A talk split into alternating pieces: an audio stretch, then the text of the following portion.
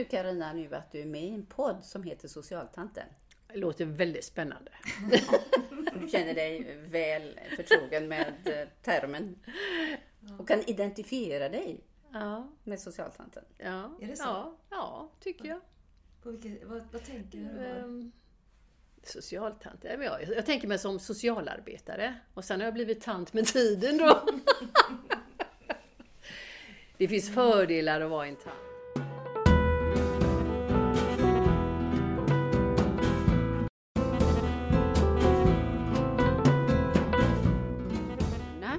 Lyssnar ni alltså på Sostanspodden. Och vi som gör den är Helena Norén. Hon är före detta sostant och före detta kurator och lärare. Och jag, Bitti Ingemansson, journalist och före detta socialarbetare. Bitte, varför gör vi den här podden?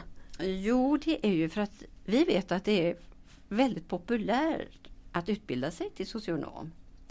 Och när de är klara så börjar de flesta jobba i socialtjänsten. Men efter en kort tid, kanske bara något år, då lämnar många just socialtjänsten och en hel del byter till och med yrke helt och hållet. Ja, och eh, vi bytte också yrken. Varför slutade vi, Bitti?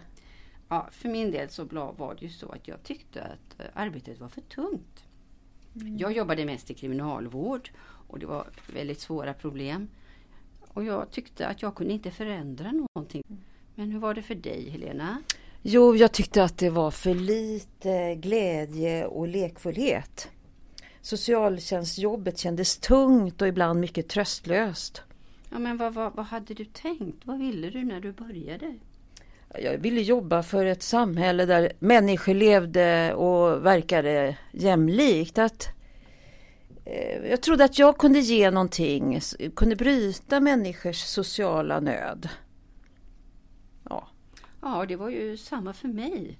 Jag, jag ville göra mer skillnad. Och, och när, det var så när jag utbildade mig på 70-talet, då var det mycket ett politiskt ställningstagande. Vi socionomer, vi skulle åstadkomma ett mer rättvist samhälle. mm.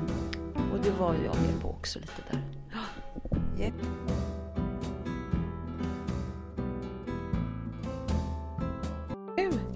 Eh, jo, vi har träffat Karina Björkman som senast arbetade som socialsekreterare i en liten kommun.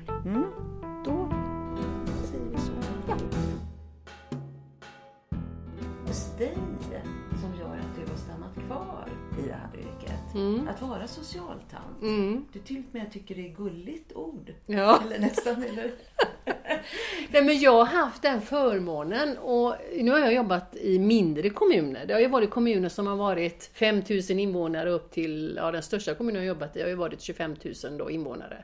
Och i den formen så, eller på något vis har jag kunnat hitta en, en plattform, eh, både som socialsekreterare och även när jag jobbar som med familjebehandling. Att hitta en, en, en form där det är tillåtet att få pröva lite, lite olika nya former kanske. Till exempel som kvinnogrupper eller som barngrupper. Och, eh, och det tror jag har, jag har haft bra arbetsledning. Jag har haft, bra, haft tur och haft bra arbetsgrupper. Trygga arbetsgrupper är ju en väldigt viktig grund för att man ska eh, känna sig trygg som socialarbetare. Jag menar, vi är ju så utsatta i de här yrkena med parallellprocesser och projektioner. Och det, gör ju, det blir ju att vi gör det mellan oss också. När vi möter jobbiga människor som mår dåligt så projicerar vi ju ibland över det på varandra och då måste man vara medveten om de processerna. Så en trygg arbetsgrupp är ju otroligt viktigt.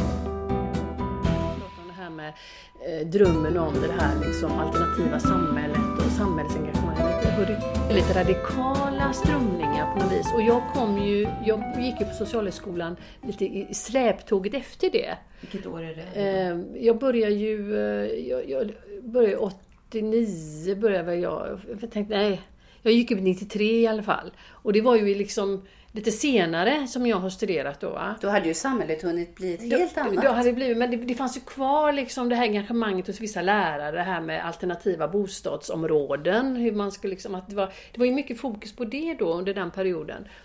Och jag märkte, alltså jag, vi var ju lite olika i min klass då, eh, vad man ville jobba. Vissa visste ju att de ville inte in i socialtjänsten. De skulle jobba som kuratorer och eh, Men för mig var det ju helt självklart, för jag var ju Jag hade jobbat som receptionist inom socialtjänsten. Det var ju så jag kom in.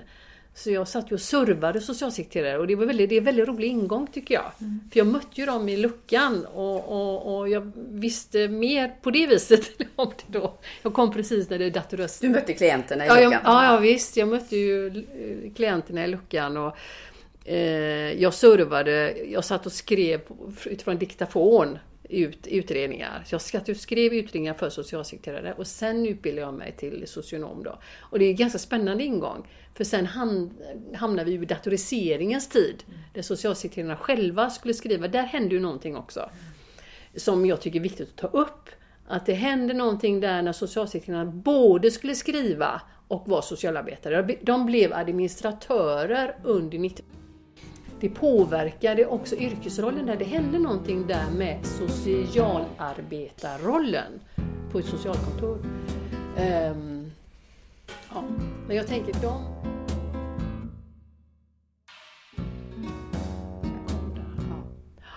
Och den här maktlösheten som Witte beskriver, eh, den kunde jag också känna.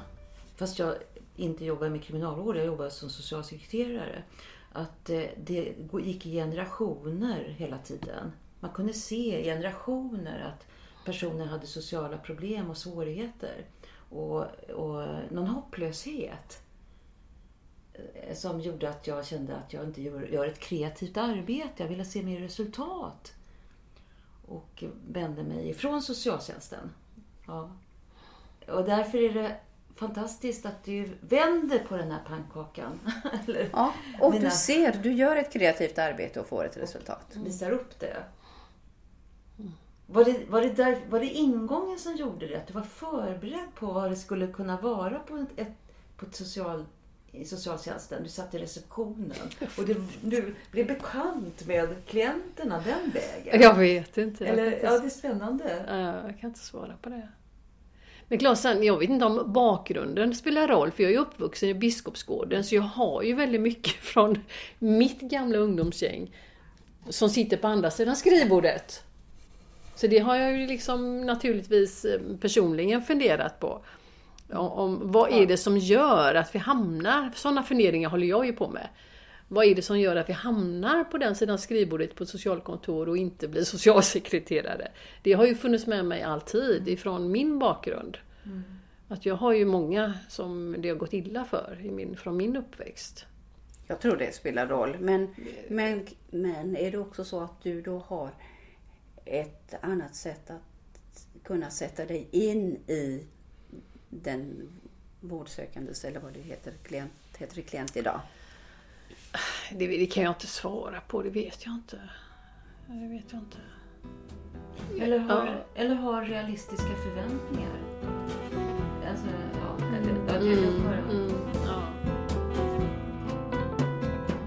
Nej men tron på att man kan förändra, det måste ju vara, jag tänker det är väldigt drivkraften för oss alla som jobbar med människor, att man tror att man kan göra något. Mm. Eh, och sen så påverkar det ju säkert jättemycket på olika sätt. Det finns, fanns en forskning på att eh, många socialarbetare är storebröder och stora systrar som jobbar inom socialt arbete. Och det är ju inte jag, det var därför jag inte lyckades då. Det var det. Eh, jag har också hört att det finns en skuldproblematik. Ja. Att eh, man går med en skuld. Ja. Och den måste man göra upp med. Och ja. därför väljer man att jobba med eh, socialt arbete. Mm. Det är ju ingen bra utgångspunkt. Nej. det känns destruktivt. Men kan du känna igen det? Nej men jag är ju barn till en missbrukare så det är klart att jag har ju med mig mitt paket. Mm. Jag har ju en alkoholiserad förälder med mig. Mm. Så det, det påverkar, har ju påverkat mm. tror jag. Att vi ska på något bidra med något. Det, det, det kan ju ligga i något slags um, ta hand om andra paket. Mm. Och då ligger ju det ligger ju lite grann i skuldpaket faktiskt. Att det finns en, en ett ansvar. Ja. kan man ha roligt när man är socialsekreterare? Ja. Ja, vad bra. Roligt. Ja, men det var roligt. Det kanske blir jättebra det här. Jag tänkte, Men så kom vi med. Ja, men ja, vi hade också haft väldigt, väldigt roliga personalfester. Jättekul. Ja, det var inte alls så. Eller promenaden kanske. Vet också att du har sagt förut att du tycker att när du har haft dina till exempel kvinnoprojekt så Ja. får du så ser du att du gör någonting. Ja, Det blir resultat. ja det, det, det Och vad ger... händer då? Det är någon kreativ form tror jag faktiskt när man eh, jobbar. När man inte bara sitter och utreder. Utan man, Utan vad gör ni då istället när ni inte utreder? Vad, vad gör du som socialarbetare då? Eh, ja, då har vi ju en, en grupp där man då pratar om olika saker i mammornas roll eller deras... eh, Ja, det blir samtal om, deras, om livet. Det blir en gruppprocess i, hos de här kvinnorna som gör att det blir givande även för oss socialarbetare. Att man känner att det ger så mycket mer att eh, jobba på det viset. Och då kommer man ju åt även föräldraskapet alltså. Det skapas relationer på ett annat sätt. Hur ofta måste man ha den gruppen då för att det ska bli något resultat? Eller för att det ska kännas att, Mm. att ni når någonstans? Vi har ju haft lite olika varianter som vi har prövat men eh, att ha en stadig grupp, det, det lärde vi oss att ha. Eh, vad vi gör och, och goda exempel ja. Fasen, att använda, det är också att använda sig själv tycker jag. Det tror jag är en viktig grej. Eller som Ulla då som var massör.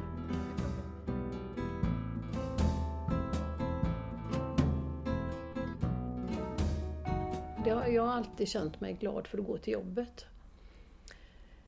Men på något vis så tror jag att nu har jag ju jobbat, jag har varit ledig en dag i veckan till exempel. Jag har jobbat väldigt mycket 80% även när mina barn blir vuxna i omgångar. Och det tror jag har varit en bra andrum för mig faktiskt. Det kan vara en lösning kanske. Ja, jag var ledig en dag, jag var ledig en dag i veckan, mitt i veckan. Onsdagar mycket.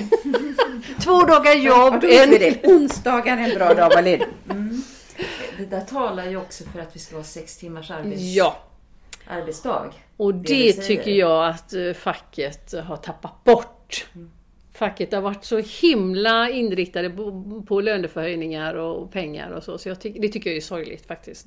Man har tappat bort sextimmarsdagen eller 30 timmars veckan. Det är ju liksom, eh, behöver inte vara... Det är ju lite olika hur man vill forma det då. Men du, eh, det här att du har en kunskap av klientgruppen. Den måste ju ha hjälpt dig en hel del. Mm. Att du eh, inte är dom och Nej, vi. nej, nej. Och det har varit otroligt viktigt för mig. Ja. För där har jag fått ta diskussioner med kollegor. Att de... Jag skulle all, det var någon kollega som sa till mig, jag ska aldrig tillåta min dotter att gå till socialtjänsten och söka socialbidrag. Alltså, är du dum i huvudet eller? Om din 20-åriga dotter, hon är väl inte beroende av vad du säger? Jag tänkte, men hallå! Vad är det för fel att söka socialbidrag om man behöver det då? Ska hon vara beroende av, dig? Nej, det skulle jag aldrig, det skulle vara nedlåtande för henne. Förstår ni? Sånt har.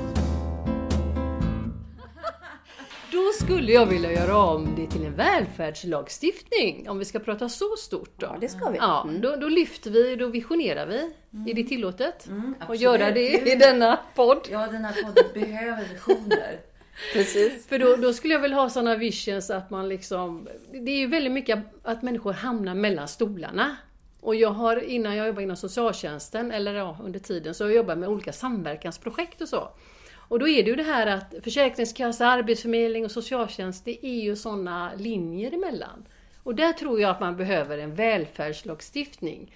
Där det går ihop, liksom sjukvårdsdelar och försäkringskassedelar och AF.